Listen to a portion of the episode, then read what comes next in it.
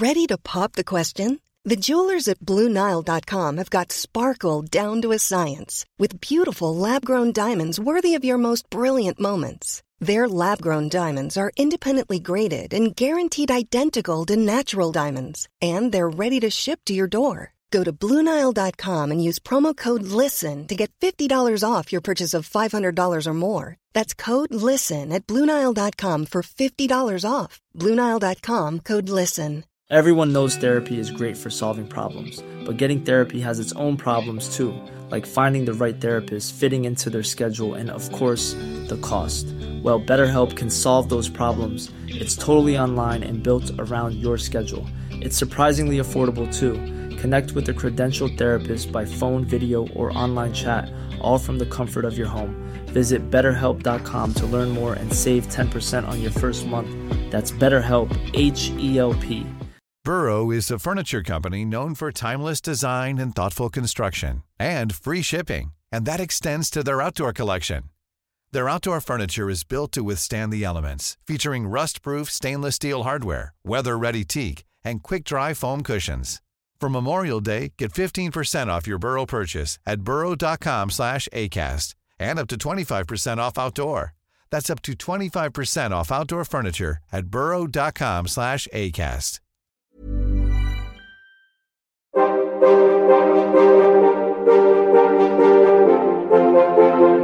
De oudheid is fascinerend. Een enorme puzzel waarvan we stukjes hebben. En heel veel stukjes ook niet. Al op de basisschool trokken de verhalen over het oude Egypte, de Romeinen, Griekse mythen, het oude China en het onderzoek naar al die oude culturen en mensen me als een magneet naar zich toe. En ik wil meer. Graag neem ik, Timo Epping, je in deze podcastserie mee op reis naar het verre verleden. Ik ga in gesprek met wetenschappers die ons in iedere aflevering een uurtje meenemen in hun eigen onderzoek. Hun eigen zoektocht naar de oudheid. Het is tijd voor de oudheid.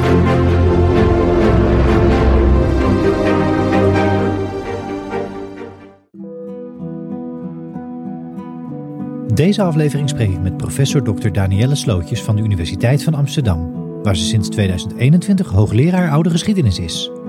Ze heeft de afgelopen jaren een hele reeks interessante publicaties geschreven, onder andere over de Romeinse overheid in de late oudheid, het vroege christendom en het gedrag en managen van mensenmassa's in de oudheid, met name gericht op Rome en Constantinopel.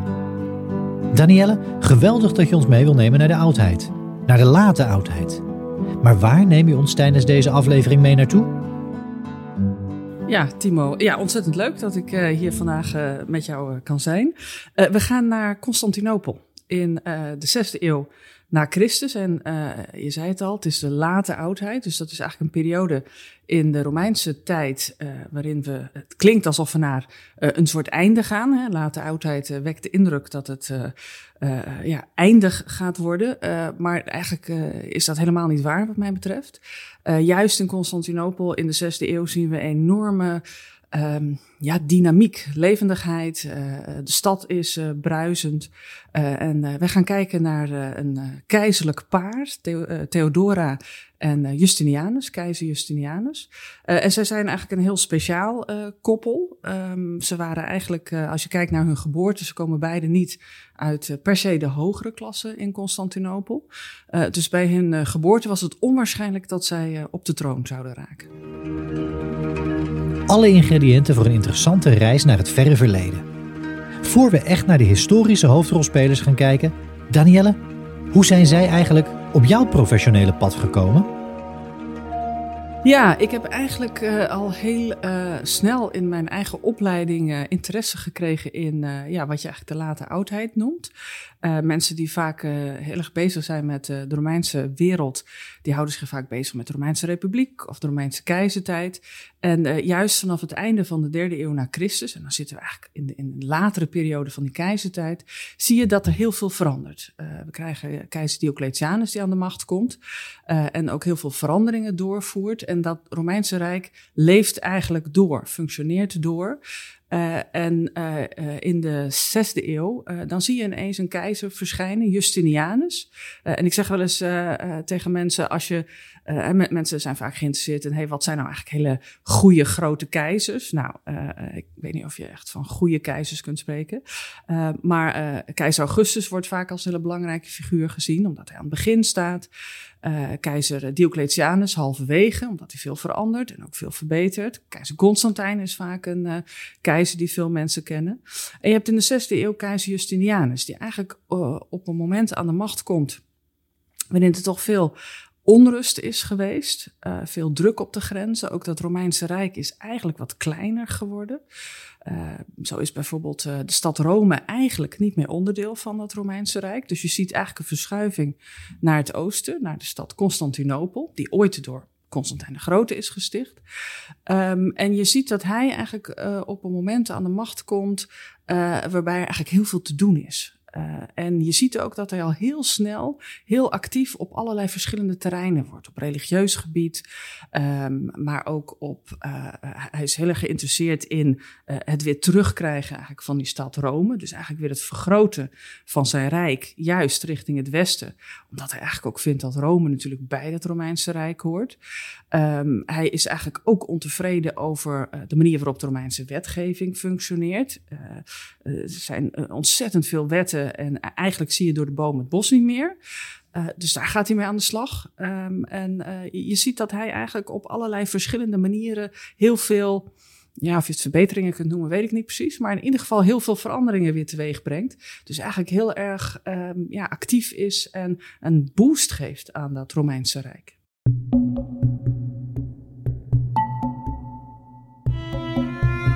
Een hele actieve keizer dus. Onder Justinianus' heerschappij gebeurt er veel, zo kunnen we wel stellen. Maar binnen bepaalde kaders. Kaders die in de literatuur en in het onderwijs nog wel eens verwarrend kunnen zijn. Danielle noemde het al. Het Romeinse Rijk gaat eigenlijk door, maar dan in het oosten, zonder Rome. Maar we lezen en horen over het Byzantijnse Rijk, Byzantijnse keizers, het Oost-Romeinse Rijk. Waar hebben we het nou eigenlijk precies over? Ja, je ziet eigenlijk, je noemt het al, hè? we hebben eigenlijk heel veel verschillende termen. Het Byzantijnse Rijk, het Romeinse Rijk, het Oost-Romeinse Rijk. Waar gaat dat eigenlijk over? En het verwarrende inderdaad is dat in veel literatuur eigenlijk verschillende termen worden gebruikt. Uh, en uh, de, de, de, rode draad is misschien wel de chronologie. Uh, dat op het moment dat je zegt, we hebben het over de zesde eeuw, dat is misschien nog het meest helder. Um, ja, dat Romeinse Rijk voor veel mensen valt op het moment dat dat Romeinse gezag in 476 uit Rome eigenlijk wegvalt. Hè. Dan wordt de laatste keizer daar weggejaagd. ik vind dat ook altijd licht ironisch, want de eerste keizer is natuurlijk Augustus. En dan de laatste keizer is een kind. En die heet Romulus Augustulus. Nou ja, alsof alles bij elkaar komt symbolisch. Um, en voor veel mensen is dat eigenlijk het einde van het Romeinse Rijk. Terwijl in het in Constantinopel, wat zichzelf ook als een tweede Rome ziet, zie je dat uh, die Romeinse wereld gewoon doorgaat. En daar zouden ze het heel vreemd vinden als wij zouden zeggen dat het Romeinse Rijk houdt op. Uh, en uh, vanaf ongeveer 500 gaan wij het ineens het Byzantijnse Rijk noemen. En dat doen we wel in de wetenschap. Je ziet het ook in veel populair wetenschappelijke boeken. en dat maakt het eigenlijk een beetje lastig. En ik, ik zeg ook wel eens, het is eigenlijk heel vreemd. Wij noemen ze de Byzantijnen en het Byzantijnse Rijk.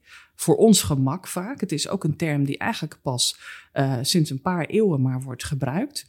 Uh, dus, dus daar zit iets vreemds aan. Hè? Dat je mensen eigenlijk uh, met een naam benoemt die zij zelf niet zouden herkennen. En je ziet in de wetenschap de laatste jaren steeds meer die vraag van moeten we dat eigenlijk wel blijven doen? Is het niet veel beter om ze gewoon Romeinen te noemen en het Romeinse Rijk? Ze noemden zichzelf ook Romaioi bijvoorbeeld. Um, dan zijn er mensen die zeggen, nou ja, goed, het Romeinse Rijk, als je kijkt naar dat hele gebied rondom de Middellandse Zee, dat werd niet meer vanuit Constantinopel bestuurd.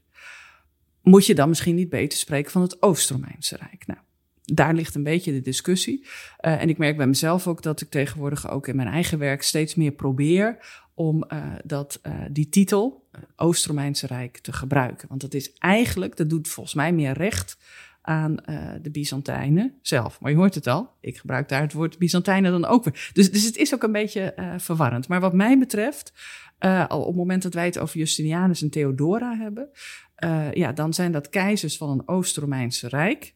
Maar in de literatuur zie je ook dat ze vaak worden gepresenteerd als keizers, als een keizerlijk koppel van, een, van het Byzantijnse Rijk. Ja, dat is natuurlijk ook vaak in die zin wetenschappelijk een erfenis waar je mee te oh, maken absoluut. Ja, absoluut. Ja, nou, de kaders zijn in ieder geval duidelijk, ook voor deze aflevering, dat we weten waar we het over gaan hebben en hoe we het gaan, uh, gaan noemen. Um, ja, dan ga je daar vervolgens als, als onderzoeker, als wetenschapper mee aan de slag.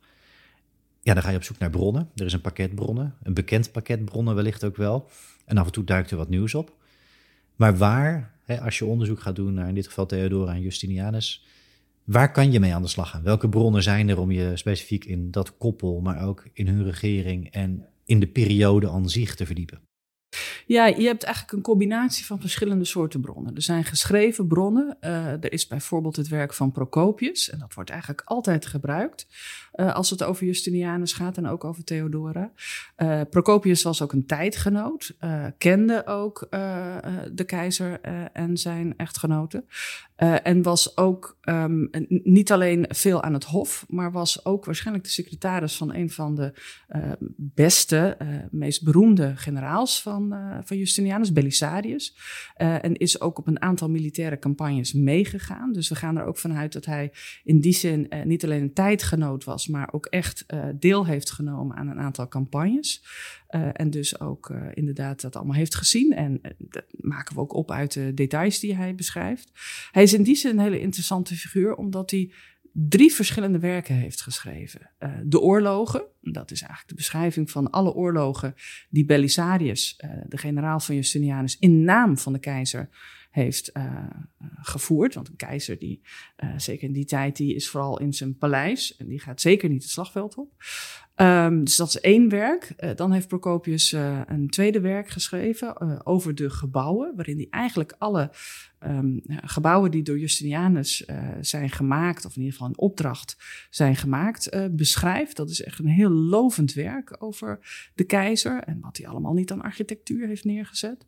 En dan is er een ander werk, en dat noemen we wel de anekdota, of ook wel de geheime geschiedenis. En dat is eigenlijk een heel uh, bijzonder werk. Uh, dat is eigenlijk pas in 1623 uh, eh, in een van de Vaticaanse bibliotheken ontdekt.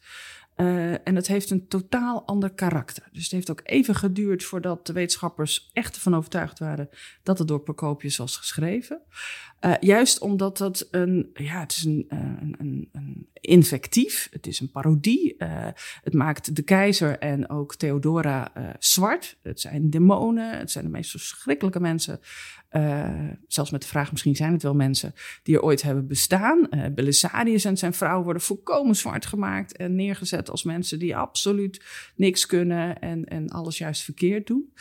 Um, en uh, ja, wetenschappers hebben lang gedacht, nou, dat is eigenlijk heel vreemd. Dat past helemaal niet bij dat werk, de oorlogen en uh, over de gebouwen. Uh, maar als je juist dan textuele analyses daarop loslaat, ja, dan is toch eigenlijk wel duidelijk dat het wel van Procopius is geweest. Um, dus dat is eigenlijk in die zin een hele interessante combinatie van een tijdgenoot. Tegelijkertijd hebben we van Justinianus ook veel wetgeving over. Hè. Uh, hij heeft dus inderdaad die hele wetscodes allemaal laten herzien door een team van juristen. Uh, heeft zelf ook heel veel wetten uh, opnieuw uitgebracht. en dan zijn er ook nog allerlei materiële um, voorwerpen, uh, gebouwen, uh, maar ook mozaïeken, bijvoorbeeld in, uh, in Ravenna. Dus voor de mensen die daar wel eens geweest zijn, of voor de mensen die nog nooit geweest zijn, zou ik zeggen, ga daar vooral naartoe, want daar heb je echt een reeks aan hele bijzondere Byzantijnse gebouwen en ook mozaïeken. Dus we hebben ook visuele bronnen. Dus het is eigenlijk een combinatie van verschillende type bronnen waar we naar kunnen kijken voor het beeld wat over dit keizerlijk paar bestaat. Ja, daarbij is natuurlijk altijd de uitdaging als wetenschapper het destilleren van ja. betrouwbaarheid, ja. betrouwbare informatie. Hoe ja. kunnen we iets nou wegen? Daarbij wil ik met name ook op Procopius heel even ingaan. Daar is ook wel van gezegd dat die geheime geschiedenis, ja, misschien heel lang ergens geheim in een la heeft gelegen. En ja. na de dood van Justinianus tevoorschijn is gekomen en een heel ander beeld geeft. Hoe moeten we dat werk ten opzichte van die andere werken nou, hoe moeten we dat nou eigenlijk wegen? Hoe weeg jij het? Ja, dat is echt een hele interessante vraag. Uh, en ook, daar wordt heel veel over gediscussieerd. Uh, soms uh, is het misschien ook wel dat wij het veel merkwaardiger vinden dat je dus zulke heel totaal verschillende werken hebt. Ik probeer me altijd voor te stellen hoe, hoe werkt dat? Hè? Wat als hij inderdaad zo'n werk heeft geschreven wat vol kritiek is? Um, houdt hij dan etentjes met zijn vrienden uit de elite en uh, lezen ze dan passages voor en ziet iedereen dan te lachen over Justinianus die verderop in zijn paleis zit? Um, als je kijkt naar de retorische uh, tradities en uh, de opleidingen, um, dan is dat misschien eigenlijk juist in die tijd veel meer een oefening die ze wel gewend waren. Dat je dus aan de ene kant heel erg in staat moest zijn als een goede auteur om een lofrede te kunnen schrijven op mensen. Aan de andere kant moest je ook in staat zijn om juist parodieën, invectieven ook te kunnen schrijven. Dus in die zin, als je kijkt naar de literaire tradities is het misschien helemaal niet zo'n vreemde. Uh, tegelijkertijd kun je ook wel zeggen van ja, dit is niet iets wat je aan Justinianus zelf voorleest. Dan ga je over de gebouwen voorlezen uh, of, uh, of uit de oorlogen. Hè. Dat is natuurlijk iets wat keizer wel wil horen. tenzij hij misschien heel veel humor heeft, maar dat betwijfel ik. Maar dan is eigenlijk de vraag, is het een historische bron of een literaire traditie waar we naar kijken? Ja, combinatie, hè? want dat is natuurlijk wat we als historici we zijn natuurlijk op zoek. Ja, ik zeg wel eens. Eh, je, je kunt zoeken naar die historische realiteit. Uh, en die is er gewoon niet meer. Uh, het verleden is gewoon voorbij. Dat betekent niet dat we niet plausibele scenario's kunnen proberen te schetsen. En dat is ook iets wat ik zelf ook probeer.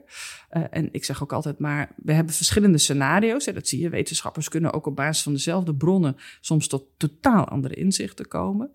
Uh, en ik zeg altijd, ja, je hebt een scenario totdat iemand anders misschien een nog plausibeler scenario heeft. Maar al die verschillende type bronnen uh, geven wel iets weer. Ook als je naar Procopius kijkt en zo'n geheime geschiedenis, waar Theodora uh, of Justinianus als echt verschrikkelijke mensen worden afgebeeld. Um, die jaloers zijn, die alles doen om andere mensen ten val te brengen. Theodora wordt er afgeschilderd als een, danseres uh, met allemaal seksuele uitspattingen. Op het moment dat mensen helemaal niks met die beelden kunnen, dan is ook het doel van zo'n infectief of een parodie helemaal weg. Dus, dus daar zit wel iets in. Uh, maar je moet daar niet uh, de vraag stellen: wie is de echte Theodora op basis van deze bron? Want die vind je gewoon niet. Verder op Theodora nu. Danielle sprak net al over een verschuiving binnen de wetenschap om het rijk waar we het nu over hebben toch vooral het Oost-Romeinse Rijk te noemen. Maar ook rond Theodora is de afgelopen periode verschuiving zichtbaar. Herwaardering, of in ieder geval andere waardering van haar rol en positie aan het hof en dus ook in de geschiedenis. Danielle, wat speelt er rond haar?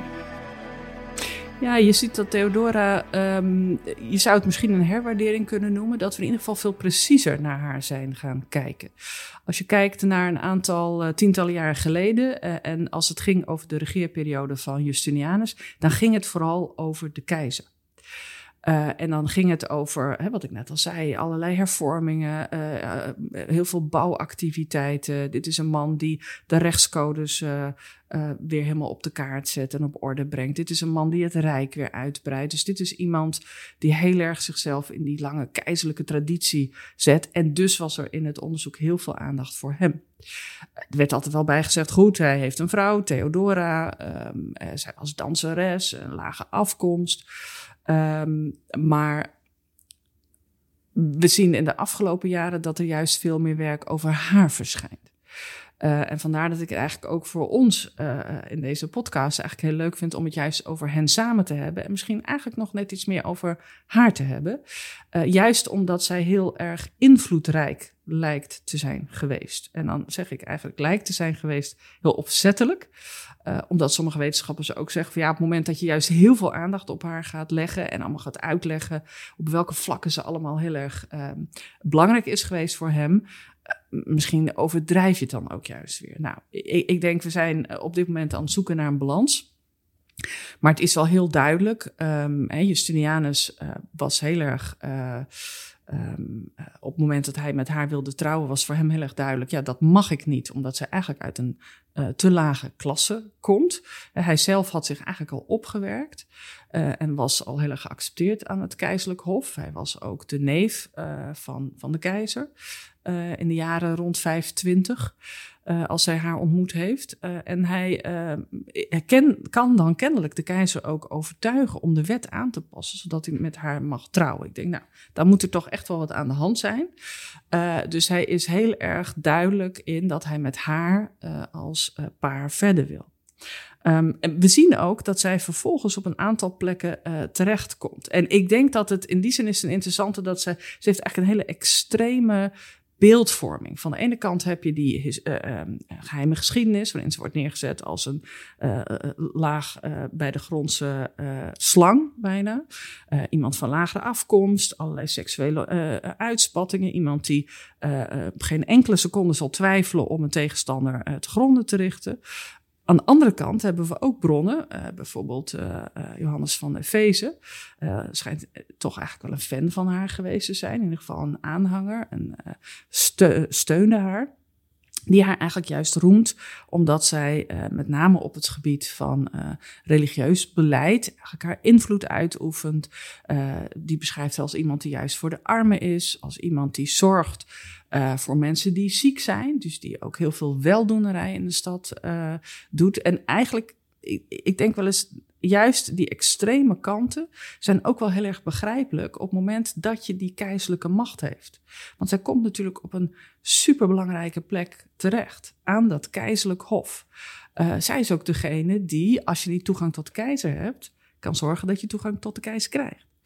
Um, en uh, Justinianus schijnt haar ook officieel als mede-keizerin aangesteld te hebben. Dus hij lijkt haar echt op een gelijkwaardig niveau uh, te zetten. Er zijn ook wetten waarin hij dan aangeeft van, oh, op het moment dat de keizer eigenlijk iets moet besluiten, uh, dan gaat het eigenlijk eerst over wat de keizer vindt, dan gaat het over wat de keizerin vindt. En dan bedoelt hij natuurlijk Theodora. En dan gaan we naar de Pretoriaanse prefect.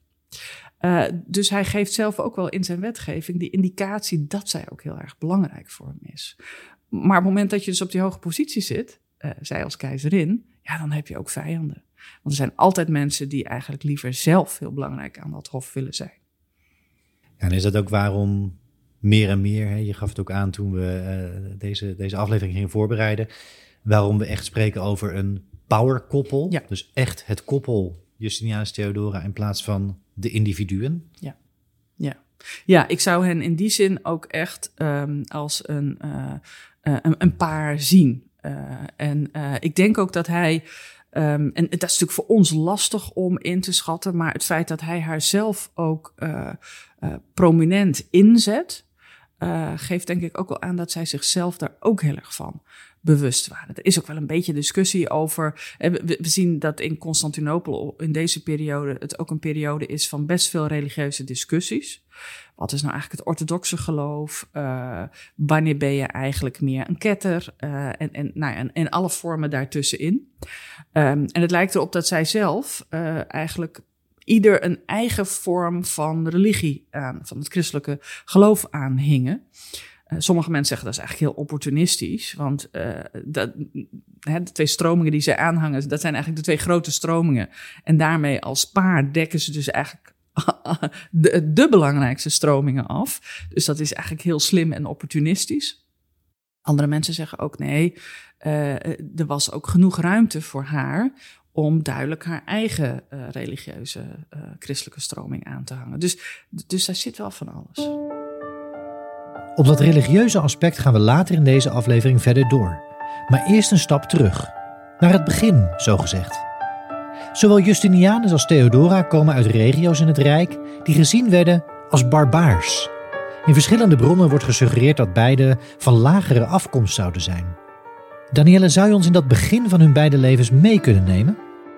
Ja, Justinianus uh, wordt eigenlijk in de, op de Balkan geboren um, en um, als Perses. Dus dat is, Justinianus is ook in die zin niet zijn naam. Uh, maar lijkt op een gegeven ogenblik naar Constantinopel uh, te worden geroepen. op het moment dat zijn oom, daar al uh, aan het Hof. Hè, die, die, is, die is naar Constantinopel gegaan. Waarschijnlijk met het idee dat hij op zoek is. Ik wil niet zeggen een opportunist, maar in ieder geval, die was op zoek ook naar werk. En uh, kwam in, uh, in, in de militaire garde ook terecht. En was in staat om zich daar eigenlijk op te werken. en kreeg ook invloed aan het Hof. realiseerde zich tegelijkertijd ook, hij en zijn vrouw hadden geen kinderen. Uh, en dan zien we wel dat uh, mensen in hoge posities dan naar andere familieleden gaan kijken. Uh, en heeft vervolgens gevraagd aan zijn neef: waarom kom jij ook niet naar Constantinopel? Nou, dan vanaf nu ga ik hem maar gewoon Justinianus noemen, dat is makkelijker.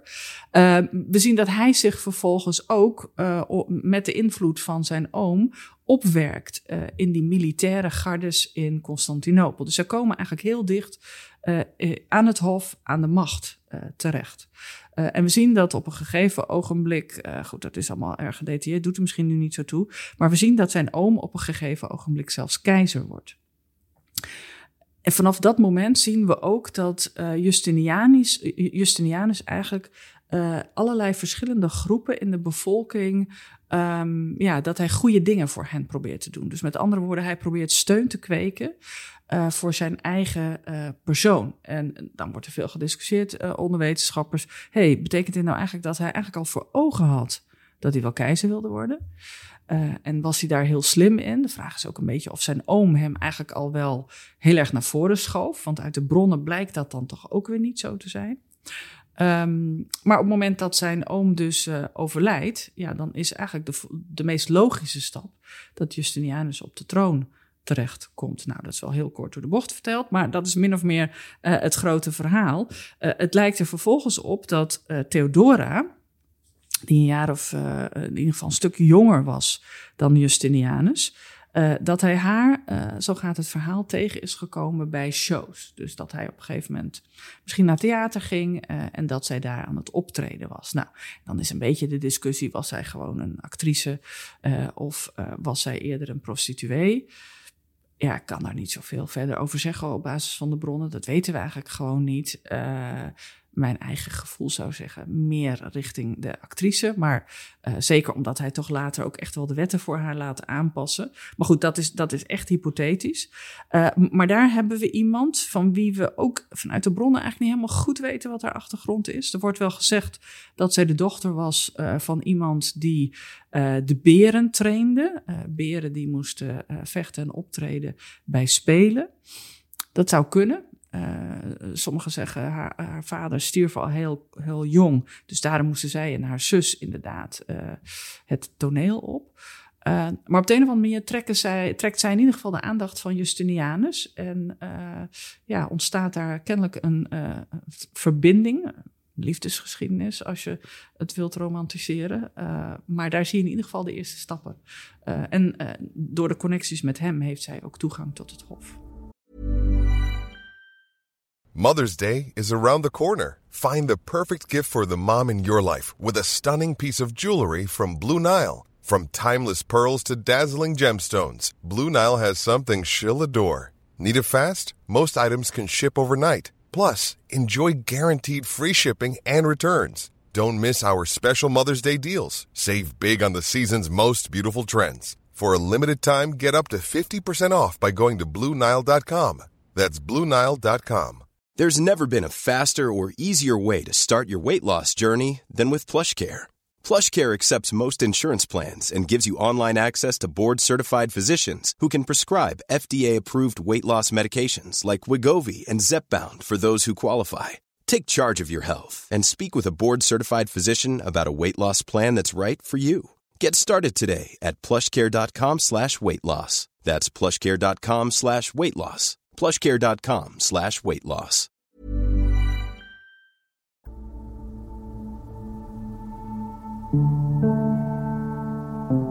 Rond 524 trouwen Justinianus en Theodora. Maar voor dat huwelijk moest er eerst een wet worden aangepast. Nu is de combinatie wetten en Justinianus, denk bijvoorbeeld aan de Codex Justinianus, een interessante. In zijn eerste regeringsjaar liet keizer Justinianus al zo'n 400 wetten aanpassen terwijl dat onder zijn voorganger, oom Justinus, over de volledige regeerperiode enkele tientallen was. Het aanpassen van die wet dus nu voor het huwelijk. Gesuggereerd is wel dat Justinianus daar vanuit eigen belang wat soepeler mee omging, maar het voor het hele Rijk allemaal wel goed geregeld wilde hebben. Danielle, hoe moeten we dat nou duiden? En is er ook bekend hoe die aanpassing van de wet rond het huwelijk in het Rijk gewaardeerd werd? Ja, dat is, dat is ook een goede vraag. Hè? We denken dat zijn voorganger, zijn oom, uh, die getrouwd was met iemand, we denken dat die vrouw eigenlijk heel erg tegen dit huwelijk was van Theodora en uh, Justinianus. Uh, maar op een gegeven moment sterft zij.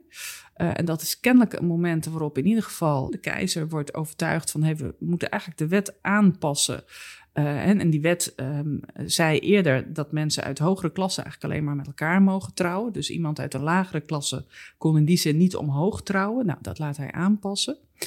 Um, en in de bronnen verder wordt daar niet zoveel over gezegd. Behalve dan dat dat kennelijk geaccepteerd wordt.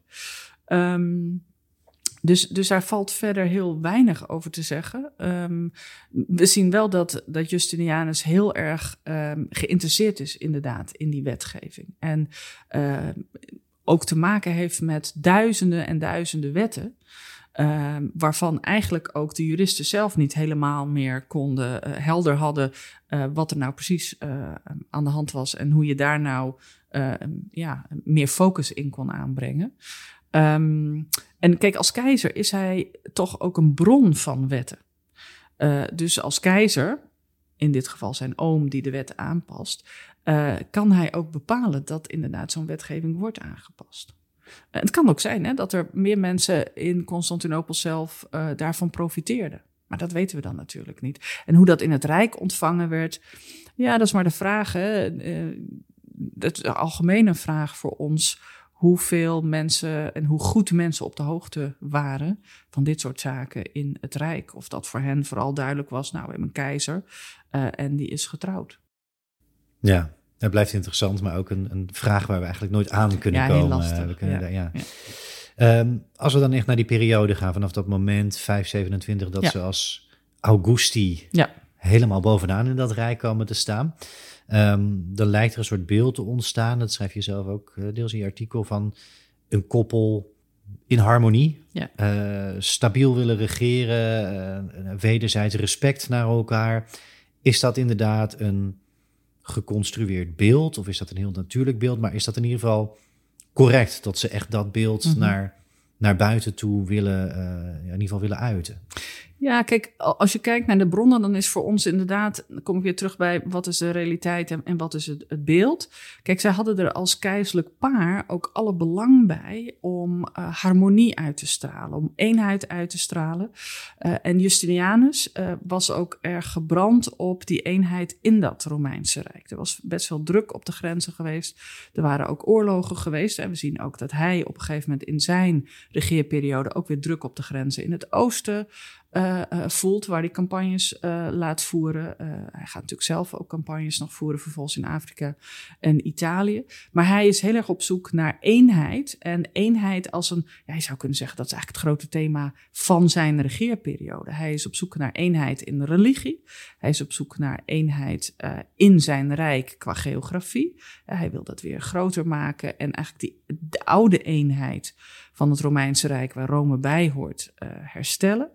En daar hoort ook eenheid bij en harmonie in het keizerlijk paar. En ik denk dat zij daar heel erg slim ook in waren. Dat ze zich dat realiseerden dat dat belangrijk was.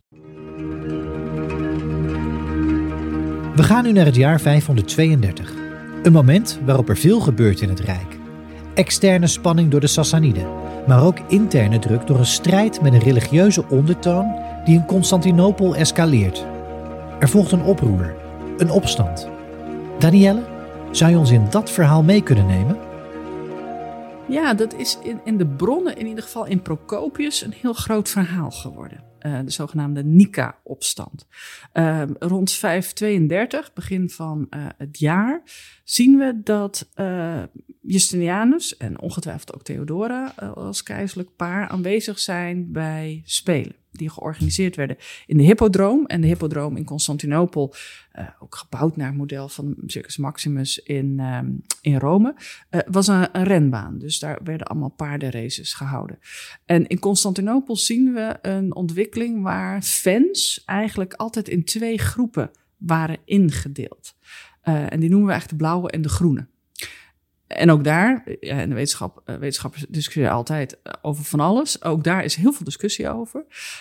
want wat waren dit nou eigenlijk? En waren dit nou eigenlijk alleen maar fans van bepaalde paarden en hun jockeys? en dus in die zin waren het eigenlijk alleen maar sportfans, groene of blauwe. Of waren dit ook groepen die bepaalde politieke ideeën hadden of bepaalde religieuze ideeën? Nou, daar wordt over gediscussieerd. Uh, maar sommigen zeggen dat de groenen bijvoorbeeld meer bij de religieuze stroming van Theodora uh, hoorden en de blauwe juist bij de religieuze stroming van um, Justinianus. Wat gebeurt er dan?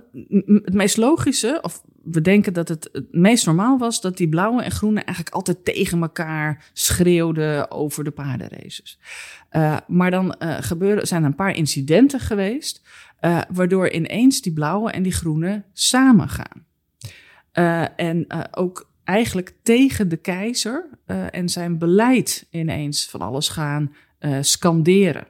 Uh, dus dan gaat het ineens niet meer over die races. Maar dan lijkt het eigenlijk uh, in de loop van een aantal dagen te escaleren. Uh, en dan is misschien het idee dat deze grote groep, en dan hebben we het over duizenden mensen, hè, er kan, kunnen in zo'n hippodroom misschien wel 50.000 mensen. dus al die duizenden mensen die dan ineens gaan schreeuwen: weg met Justinianus. En ze zetten de keizer heel erg onder druk. Ze zijn ineens ook heel erg ontevreden over een aantal van zijn uh, topambtenaren, zou je kunnen zeggen. Um, ze, willen ook dat die mensen afgezet worden. Nou, Justinianus is slim genoeg, snel genoeg en denkt: oké, dan moet ik die mensen in ieder geval uit hun functie halen. Uh, maar hij lijkt aan de andere kant ook traag te zijn. En ik denk dan altijd: hoe werkt dat? Want je hebt het keizerlijk paleis. Dan heb je daarnaast die hippodroom. Daar zijn die duizenden mensen een aantal dagen lang aan het schreeuwen tegen jou. Uh, dat moet heel angstig ook zijn geweest. En toch is die traag in de reactie. Um, want ja, dit zou potentieel kunnen leiden tot het afzetten. Hè? En op een gegeven moment heeft die groep ook andere kandidaten die ze naar voren willen schuiven als keizers. Dus uh, het, lijkt alsof ze een plan hebben. Nou, dan Procopius beschrijft dit fantastisch. Uh, dit is ook waar Theodora een geweldige rol speelt. Um, zij, eh, het, is, alsof ineens een spotlight op het paleis wordt gezet in zijn verhaal. Hè. Die binnenvertrekken, waar die keizer zit, hè, de stress van uh, dat geschreeuw misschien op de achtergrond. Daar zit hij met zijn meest directe raadgevers. Daar is Theodora ook bij. Wat gaan we doen? Uh, hoe gaan we hiermee om? Wat als het fout gaat? Moeten we ergens anders naartoe? Nou, dan wordt die mogelijkheid op tafel gelegd dat ze kunnen vluchten. Uh, en dan ineens lijkt Theodora, want het lijkt vooral heel veel angst te zijn, dan is het Theodora die juist moedig is en zegt: Wacht eens even, vluchten. Uh, maar je bent keizer. Dat past een keizer eigenlijk helemaal niet. En past mij al helemaal niet. Uh, ik in mijn paarse keizerlijke kledij, als ik al sterf, dan is het in het purper. dus ik weet niet wat jij doet, maar ik blijf hier. en daar kun je ook weer ja, over discussiëren van uh, hoe, waar is dit? Uh, het is in ieder geval Procopius die ons dat verhaal geeft. Uh, en het einde van het liedje is dat ook niet alleen de keizer, maar ook de mensen om hem heen moed vatten. En dan geeft Justinianus opdracht aan Belisarius, dus een generaal die op dat moment ook daar is, om samen met een, andere, een aantal andere generaals een einde te maken aan de opstand. Nou, zegt Procopius, daar komen wel 30.000 mensen bij om. Nou, dat is even de vraag. Uh, in uh, antieke bronnen eh, zijn aantallen vaak heel notoir onbetrouwbaar. Uh, Procopius wil vooral zeggen, heel veel mensen komen daarbij om en die opstand wordt neergeslagen. Nou, dat lijkt een kantelpunt in ieder geval te zijn geweest in die regeerperiode van uh, Justinianus. Want het is dan begin jaren 30 van die zesde eeuw. En hij leeft uiteindelijk tot 565. Dus dan heeft nog een enorme regeerperiode die gaat komen. Maar het is met name haar rol die daar super opvallend is. Hè? Uh, want hier heb je ineens een vrouw die misschien buiten de verwachte uh, manier van doen stapt. En eigenlijk juist niet zwak is. Uh, en niet angstig is, maar juist veel moediger en nog veel moediger dan haar man. Dus dat kan ook een manier zijn van Procopius om eigenlijk al kritiek op uh, de keizer te hebben. En moet je dat dan zien in dit geval, hè, die beroemde speech, als een incident? Of kun je nou, als historicus, hè, vanuit jouw positie in dit geval, daar wel meer een soort van algemene lijn in, in dat idee van powerkoppel ook in zien?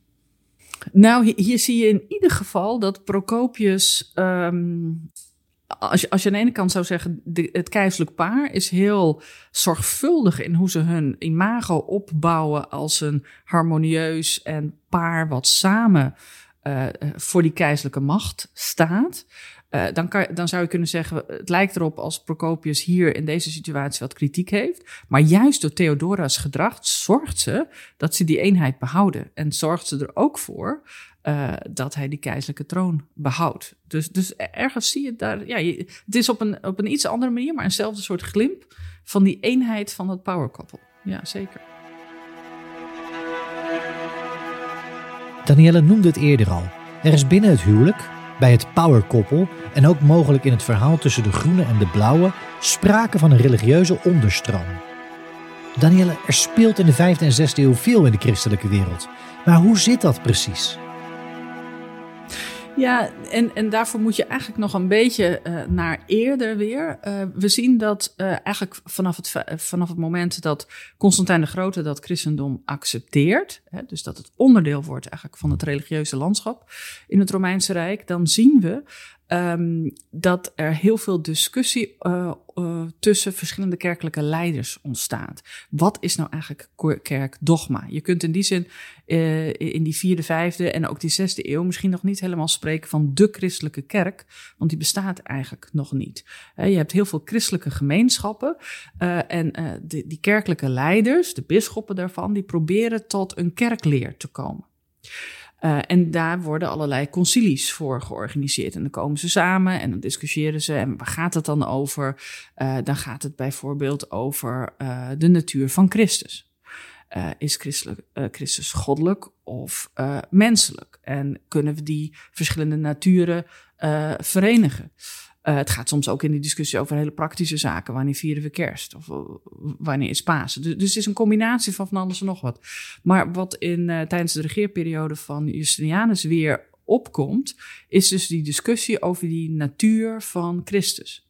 En in de orthodoxe stroming, en Justinianus hangt die eigenlijk aan, en die gaat terug naar een kerkconcilie van 451 in Galkedon. Uh, waar eigenlijk wordt uh, bepaald dat uh, Christus twee, een goddelijke natuur heeft en een menselijke natuur, maar dat dat wel in één persoon verenigd kan worden, maar dat dat wel twee verschillende naturen zijn. maar je hebt ook een stroming die zegt: nee, dit kan niet. Christus heeft één natuur en binnen die natuur is het goddelijke en het menselijke verenigd.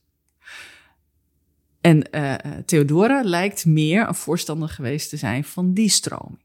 Um, uh, maar dat leidt tot heel veel discussies. En we denken dat uh, Justinianus, die eigenlijk tijdens zijn hele regeerperiode heel erg geïnteresseerd was in religie, maar ook omdat hij in die kerk, kerken, religieuze eenheid wilde brengen. het lijkt erop dat hij ook af en toe pragmatisch was en vooral mensen met elkaar in gesprek wilde laten komen.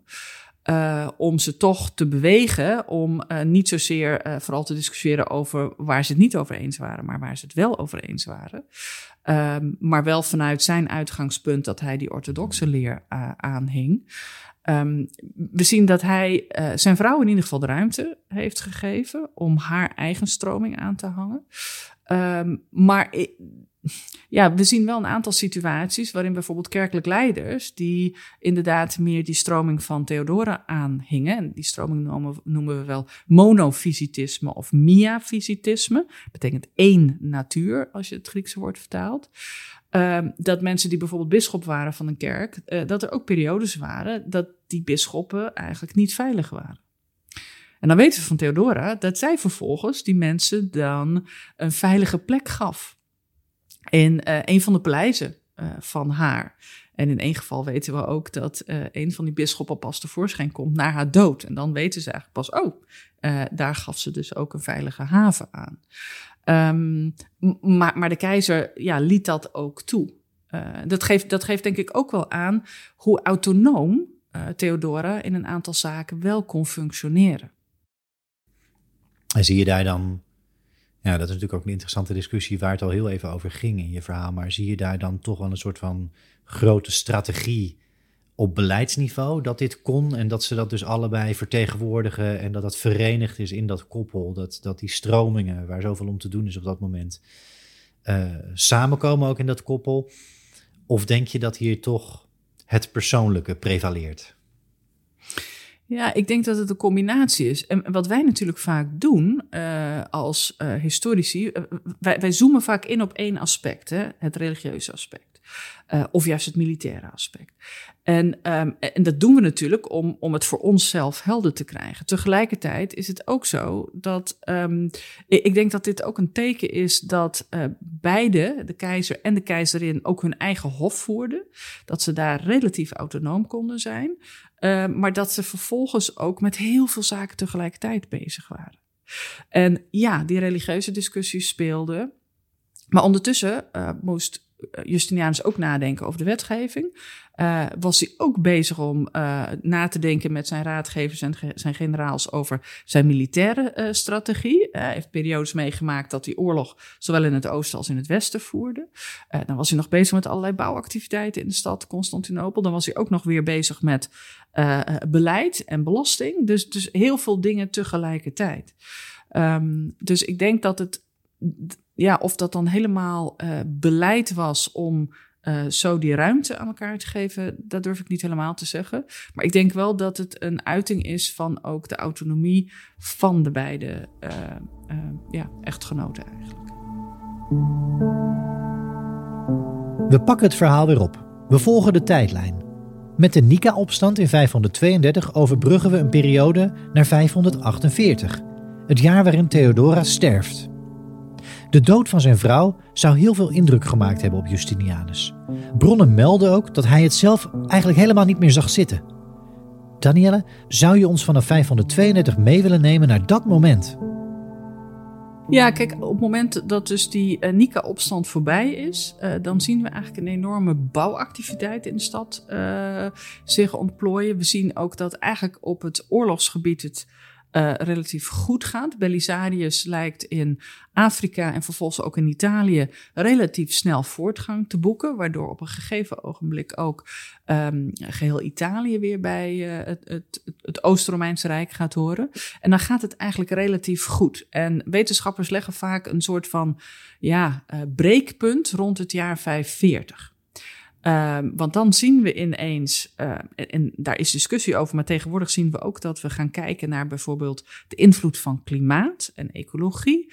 Um, en, en wat dat voor effect heeft gehad uh, in die periode. Het lijkt erop dat ergens rond 536, 537 er een paar jaar heel veel droogte is geweest, waardoor veel uh, oogsten zijn mislukt. dan komt er ineens een pest. die het Rijk eigenlijk binnentrekt. En ook uh, potentieel verwoesting achterlaat. Veel mensen uh, komen daarbij om.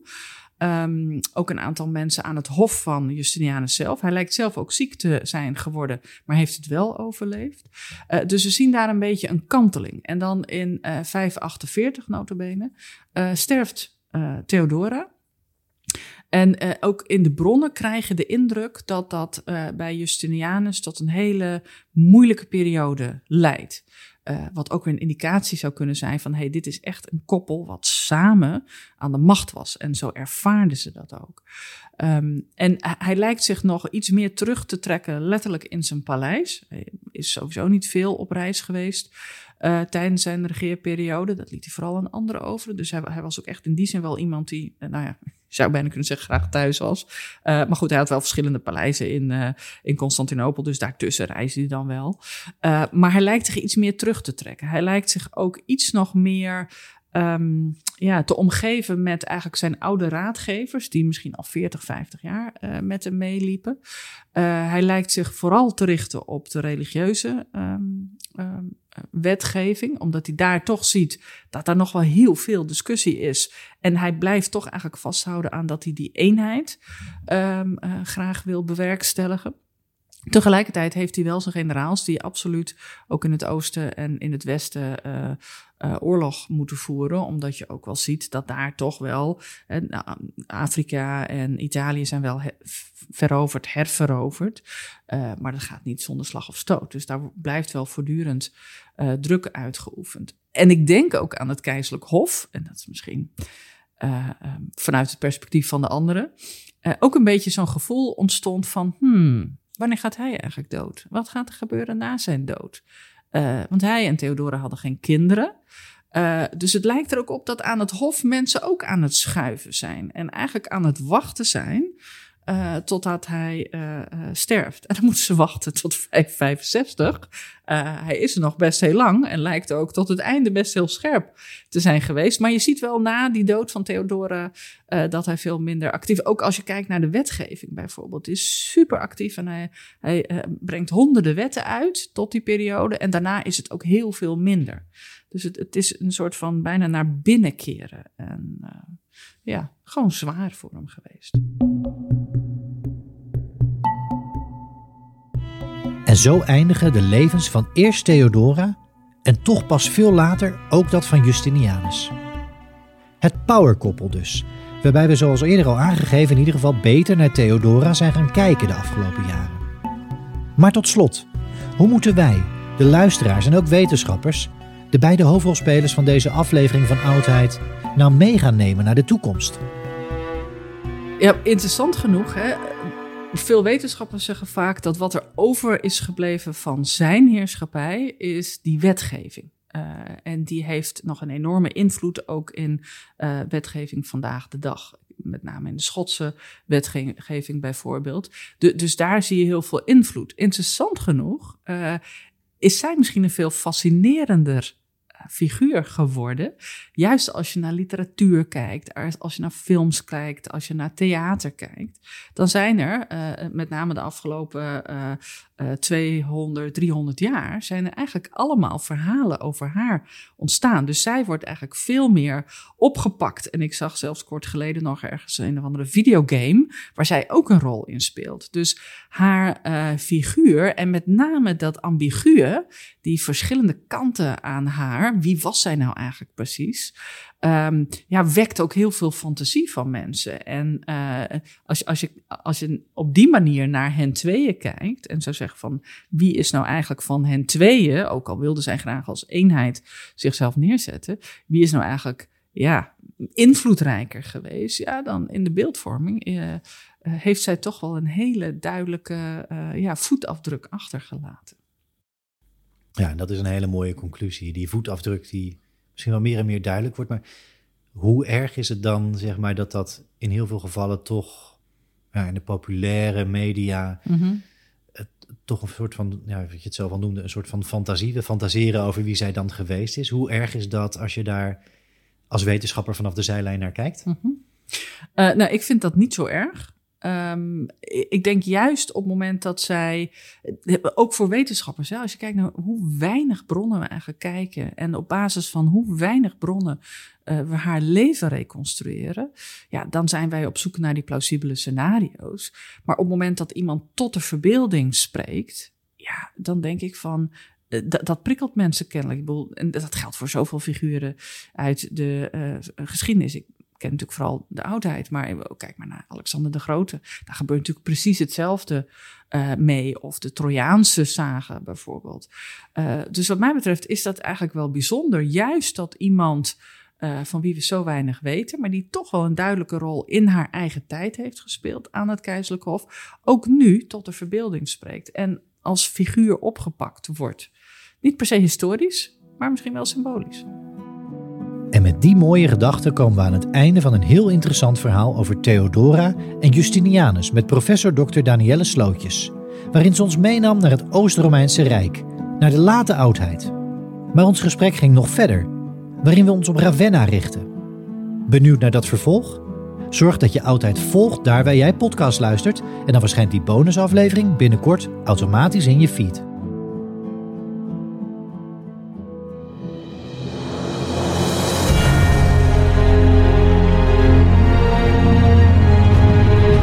Dank je voor het luisteren naar De Oudheid, de podcast over het verre verleden.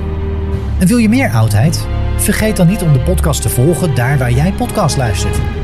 Iedere nieuwe aflevering verschijnt dan automatisch in je feed. Likes en reviews worden uiteraard gewaardeerd en vergeet vooral ook niet om de podcast met iedereen die jouw interesse deelt te delen.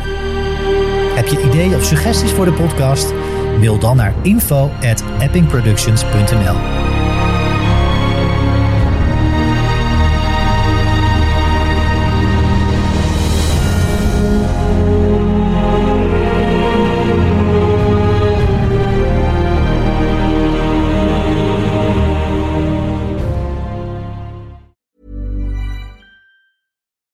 on a budget, we still deserve nice things. Quince is a place to scoop up stunning high-end goods for 50 to 80% less than similar brands.